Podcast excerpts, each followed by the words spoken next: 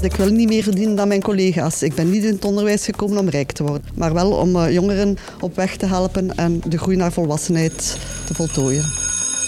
Een leraar-specialist die extra verdient. Wat gaat dat teweeg brengen? Ja, die natuurherstelwet. Ja, ik vond dat wel... Ja, Ik... Maar ik vind het wel boeiend. Ik vind het Ja. een moeilijk thema om in vijf minuten te Ja. zetten. Ik vind het echt oprecht moeilijk. Waar gaat de discussie over de natuurherstelwet over? Ik deel dat ook met een vriend van mij. En dan heb ik zo zijn moeder, zijn broer, zijn nichtje. Maar ik heb mensen nog nooit gezien. En hoe gaat Netflix controleren met wie ik mijn abonnement deel? Je luistert weer naar de podcast Het Kwartier met Sophie van der Donkt. Welkom.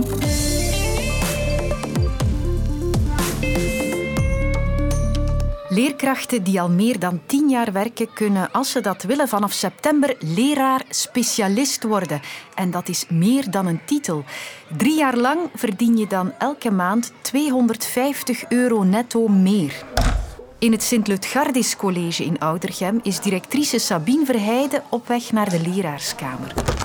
Om haar in te lichten. Dat ik eigenlijk nu als, als directeur er iemand kan uitspieken dat ik vind, die doet nu extra goed zijn best en die krijgt extra loon. Mag je daar mijn mening over geven zonder dat ze dat hier opnemen? Goh, ik denk dat zij een beetje hetzelfde gevoel hebben. Ik denk dat iedereen het maximale doet in zijn job. Als ik het hoorde, dan dacht ik... Als ik dit moet gaan doen in mijn team, wie pik ik daaruit? Want ik heb allemaal zo'n straffe leerkrachten. Ja, ja, wel, ik denk dat, dat die directeur in elk geval iets heel goed heeft gedaan. Je hoort Johan de Wilde, lerarenopleider aan de Odyssee Hogeschool. Het zal een beslissing zijn waar ik mensen ga moeten in ontgoochelen. Dat iedereen dat mee bekijkt, dan denk ik dat die directeur dat ook gaat moeten doen. Dat is met het team samen proberen criteria op te stellen. En dan eh, er ook externe bij betrekken om het zo objectief mogelijk te maken dat mensen niet gaan zien van ja, dat is de favoriet van de directeur hè, en hij of zij heeft de poulain naar voren geschoven, want dat wil je echt niet hebben in je team. Het is toch goed om daar heel tactvol mee om te gaan. Wat zal de leraar-specialist nog teweeg brengen in ons onderwijs? Daar zoekt Johan de Wilde samen met onderwijsspecialiste Charlotte Struiven van de KU Leuven voor ons een antwoord op. Laten we beginnen met de positieve punten. Wel, in dat discours of in dat voorstel hè, klinkt in elk geval door dat er een verbinding gelegd wordt tussen het aantrekken van leerkrachten en de kwaliteit van ons onderwijs. En tot op heden had je ofwel, we moeten het beroep aantrekkelijk maken voor leerkrachten, ofwel hadden we de discussie over de tanende onderwijskwaliteit. En die worden hier met elkaar in verbinding gebracht. En dat is zeker een goede zaak daaraan. Ik denk vooral dat op dit moment scholen al hun handen vol hebben om hun kerntaken uit te voeren. Waardoor men vaak geen extra of geen bijkomende tijd heeft om bij zaken stil te staan. En dat is wat een specialist eh, kan teweegbrengen. Stel bijvoorbeeld dat je als school mee hebt gedaan aan de Pearls-meting en je krijgt je schoolfeedbackrapport en daaruit blijkt dat je het als school niet zo denderend goed hebt gedaan op vlak van begrijpend lezen, ja, dan moet de school daaraan werken. En dan moet men nagaan, oké, hoe kunnen we dit als schoolteam gaan dragen? Maar door bijvoorbeeld specialisten aan te stellen, en in dit geval kan de school er dan voor opteren van, oké, ik wil dat die specialist zich focust op ons, ons leesbeleid. Hoe werken we eigenlijk hier in de school en, en waar schort het een beetje en waar kunnen we dus eigenlijk gaan in groeien? Dan kan die specialist zich daarop toeënten en kan daardoor ertoe leiden dat eigenlijk de onderwijskwaliteit gaat gaan verbeteren. Maar in de leraarskamer klonken toch nog wat bedenkingen. Ja, dat gaat sowieso wel oneenigheid teweeg brengen, denk ik. Dat wel. Wat is een specialist? Dat is de grote vraag. Voor mij lijkt dat dat iedere leerkracht zijn specialisatie heeft. Zou ik daar nee op zeggen? Nee, tuurlijk niet. Wie zou daar nu nee op zeggen op extra loon? Maar ik vind dat in per se hoeft dat niet. Je iemand een streepje meer gaat geven, je gaat iemand eh, beter verlonen, terwijl dat hij eigenlijk een vergelijkbare opdracht heeft van iemand anders, dan zou je wel de reactie kunnen krijgen van ja, doe jij het dan maar. Jij bent toch beter, jij bent de expert, waarom zou ik het nog moeten doen? We kennen in het onderwijs een, een grote cultuur van gelijkwaardigheid. hè. Je, je, je start als leerkracht en als je al 30 jaar in het beroep staat, ja, dan ben je nog leerkracht. hè. Dus we hebben een vlakke loopbaan, we hebben ook een gelijkwaardigheidsprincipe.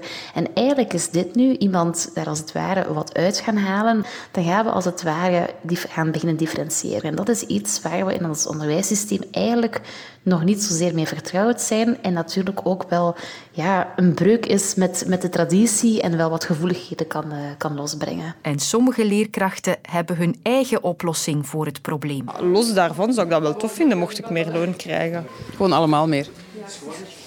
Dat mag zeker. Ik, uh, ik ga dat niet weigeren. Nieuwe regels om onze natuur te herstellen en te beschermen veroorzaken onrust in Europa en ook in België. Op verschillende fronten loopt de zenuwachtigheid op over de Natuurherstelwet. Maar waar gaat het hier over? over een wetsvoorstel van de Europese Commissie. Het is een onderdeel van het Europese Klimaatplan, ook bekend als de Green Deal. Waarom is die natuurherstelwet nodig?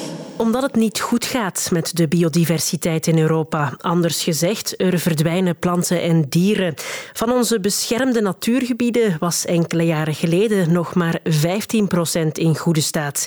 En de klimaatverandering versnelt die achteruitgang nog meer. De Europese Commissie wil dat tegen 2050 oplossen. En hoe moet dat gebeuren? Met een hele reeks maatregelen en doelstellingen om de toestand van onze bossen, landbouwgebieden, rivieren, zeeën en zelfs steden te verbeteren. Een paar voorbeelden. Tegen 2030 al zeker 20 procent van de natuur herstellen. 3 miljard extra bomen planten. Minder pesticiden gebruiken, zodat er weer meer insecten zijn om planten te bestuiven. Meer biodiversiteit op onze landbouwgronden. De Europese landen moeten elk een herstelplan opstellen om dat te bereiken. Maar in Europa groeit nu dus veel ongemak. En bij onze Europese verslaggever Leen de Witte ging ik luisteren wat de grootste bezwaren zijn. Dag Sophie. Je hebt het uh, boerenprotest uh, dat een hele belangrijke rol speelt. Um, landbouwers die vinden dat zij heel vaak heel grote inspanningen moeten leveren en dat ze daar eigenlijk helemaal niet voor gecompenseerd worden. Dat ze eigenlijk amper het hoofd boven water kunnen houden in het uh, Europees Parlement is de grootste politieke familie, dat is die van de EVP, waar ook CD&V toe behoort, mee op de kar gesprongen, als ik het wat oneerbiedig zeg. Zij hebben gezegd, wat nu op tafel ligt, dat is eigenlijk gewoon de doodsteek voor de landbouwers in Europa. Daar kunnen wij niet mee akkoord gaan. Dus zij hebben zich daartegen verzet eh, een paar weken geleden. En dat verzet is intussen uitgebreid naar ook een deel van de liberale familie en ook de conservatieven, waar N-VA dan bij zitten die de landbouwers steunen, maar ook vinden in het algemeen dat al die inspanningen dat die te groot zijn op dit moment, dat het te snel gaat en dat dat allemaal niet haalbaar is. Leen, zijn er landen met specifieke bezwaren om tegen die natuurherstelwet te zijn? Elk land heeft zijn specifieke bezwaren. Of om het juister te zeggen, er zijn ook heel wat landen die er helemaal niet van wakker liggen. Maar de landen die bezwaren hebben zijn bijvoorbeeld Finland, uh, dat heel afhankelijk is van bosbouw en dat vreest dat die economie dat die niet kan overleven als de Europese voorstellen werkelijkheid worden.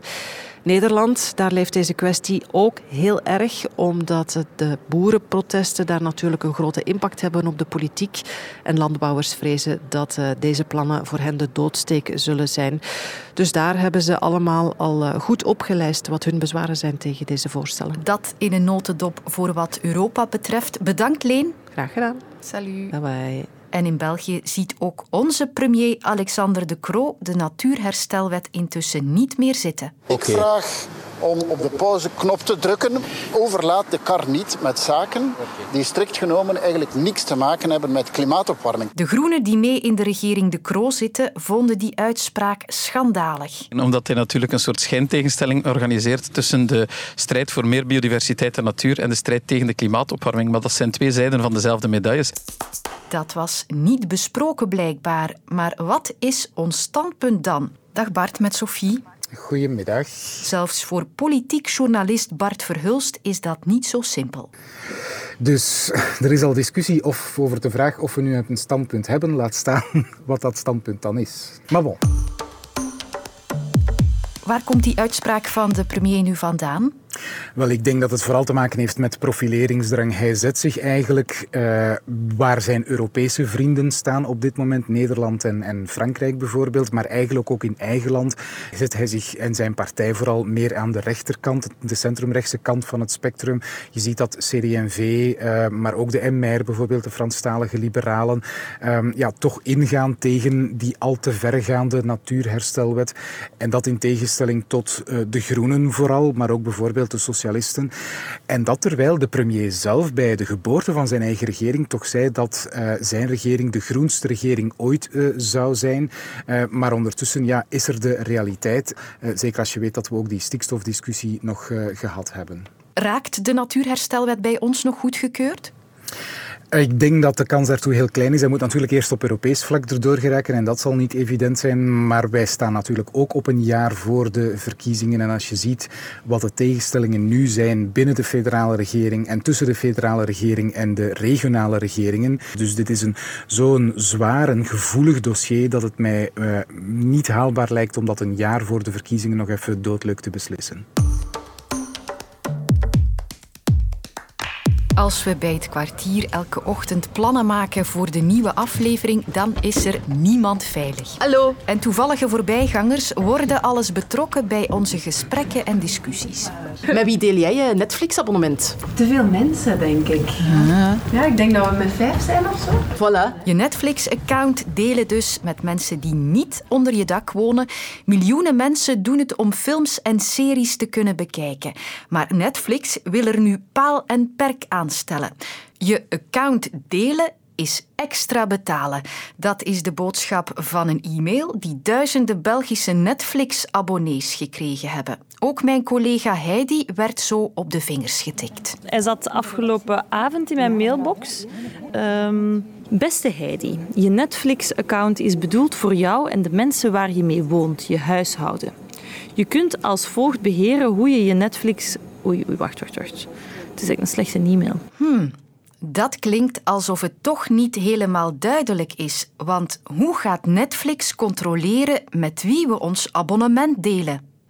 Dit is zo'n moment waarop we Bram van de Putten erbij halen. Goedemiddag. Onze VRT-man als het gaat over streamingdiensten en alles wat daarbij komt kijken. En ja, ook hij deelt zijn account. Ja, met mijn moeder. En dat zal dus binnenkort niet meer mogelijk zijn, denk ik. Maar laten we eerst eens klaarheid scheppen. Wat verandert er nu precies? Netflix is jarenlang eigenlijk het sympathieke bedrijf geweest dat je uh, je wachtwoord kon doorgeven aan vrienden en die dan gratis konden meekijken. En sommige mensen deelden dan de kosten wel. Maar natuurlijk, dat kostte het bedrijf ook bakken vol geld. En nu hebben ze gezegd, we stoppen daarmee. Iedereen die Netflix gebruikt, moet ook zelf een account betalen. Het is niet zo dat er nu een Netflix-politie op straat zal eh, patrouilleren om te zien of je je account deelt met andere mensen. Wat ze wel gaan doen, is eigenlijk je IP-adres gaan controleren. En dat is een unieke code die elke internetverbinding heeft. Dus elke wifi-bakje, om het zo te zeggen, zendt zo'n IP-adres mee. En zo kan Netflix gaan controleren, ja, er zijn blijkbaar twee IP-adressen die op deze account zijn gelinkt, dus daar klopt iets niet. En dan gaan ze eigenlijk één van die accounts kunnen tegenhouden, tenzij er een extra bedrag per maand voor betaalt. En dat is in ons land 3,99 euro. Oké. Maar collega Heidi heeft daar toch een bedenking bij. Dus ik snap niet zo goed hoe ze dat onderscheid gaan maken. Als ik dan kijk op hotel, hoe kun je dan het verschil zien tussen misschien mijn schoonmoeder die ook in mijn account zit en die vijf dorpen verder woont, begrijp niet zo goed hoe ze dat gaan doen. Ja, ik snap die verwarring zeker. En het is een vraag die heel veel mensen zich ook stellen. Wat als ik op reis ben of als ik bijvoorbeeld eh, een paar dagen aan zee ben, kan ik dan ook op mijn Netflix-account blijven kijken of moet ik daar dan ook tijdelijk extra voor betalen? Het is zo dat je tijdelijk kan zeggen dat je ergens anders kijkt. Dus op hotel, op een vakantiewoning. Maar dan moet je dat zelf gaan activeren. Maar als je het doet zoals vroeger, stel uh, je ouders of je schoonmoeder wil ook kijken, ja, je kan niet om het half uur zeggen van ja, log even uit en nu ga ik zeggen dat mijn account daar actief is en dan daarna kijk ik weer verder. Daar is natuurlijk geen beginnen aan. En het idee daarachter is dat als iedereen die nu nog zijn account deelt extra gaat betalen, ja, dan heeft Netflix er gewoon een pak abonnees bij. Maar kunnen we voorlopig niet gewoon doen alsof we van niks weten? Heidi overweegt het alleszins ik vraag me af, als ik dit nu eventjes negeer, gaan ze mij er dan uitgooien? Ga ik dat... Dus daar ben ik heel benieuwd naar, maar ik ga wel de proef op de som wagen, denk ik. Om toch even af te wachten. Ik snap de reactie en het is op zich ook eh, interessant om, om te zien wat er dan gebeurt. Misschien zal er nog een tweede of een derde mail komen, maar op een bepaald moment ga je gewoon een melding krijgen op je tv of op je laptop van je hebt nog niet ingesteld wat je huishouden is en wie de vaste kijker is. En je zal dus eigenlijk gedwongen worden om op een bepaald moment wel die keuze te maken. Dus eh, er zal vroeg of laat een einde komen aan het uh, account delen. En het is grappig, want een paar jaar geleden tweette Netflix zelf nog van liefde is samen een wachtwoord delen. Dus ik denk dat de liefde een beetje over is voor Netflix. Jouw liefde voor het kwartier hopelijk nog niet. Helemaal gratis en delen met familie en vrienden mag zeker. Hoe meer, hoe liever. Luister ook naar Franks en Bilot, waarin Vincent Bilot en Rudy Franks de stand van de wereld opmaken. Nu in de app van VRT Max.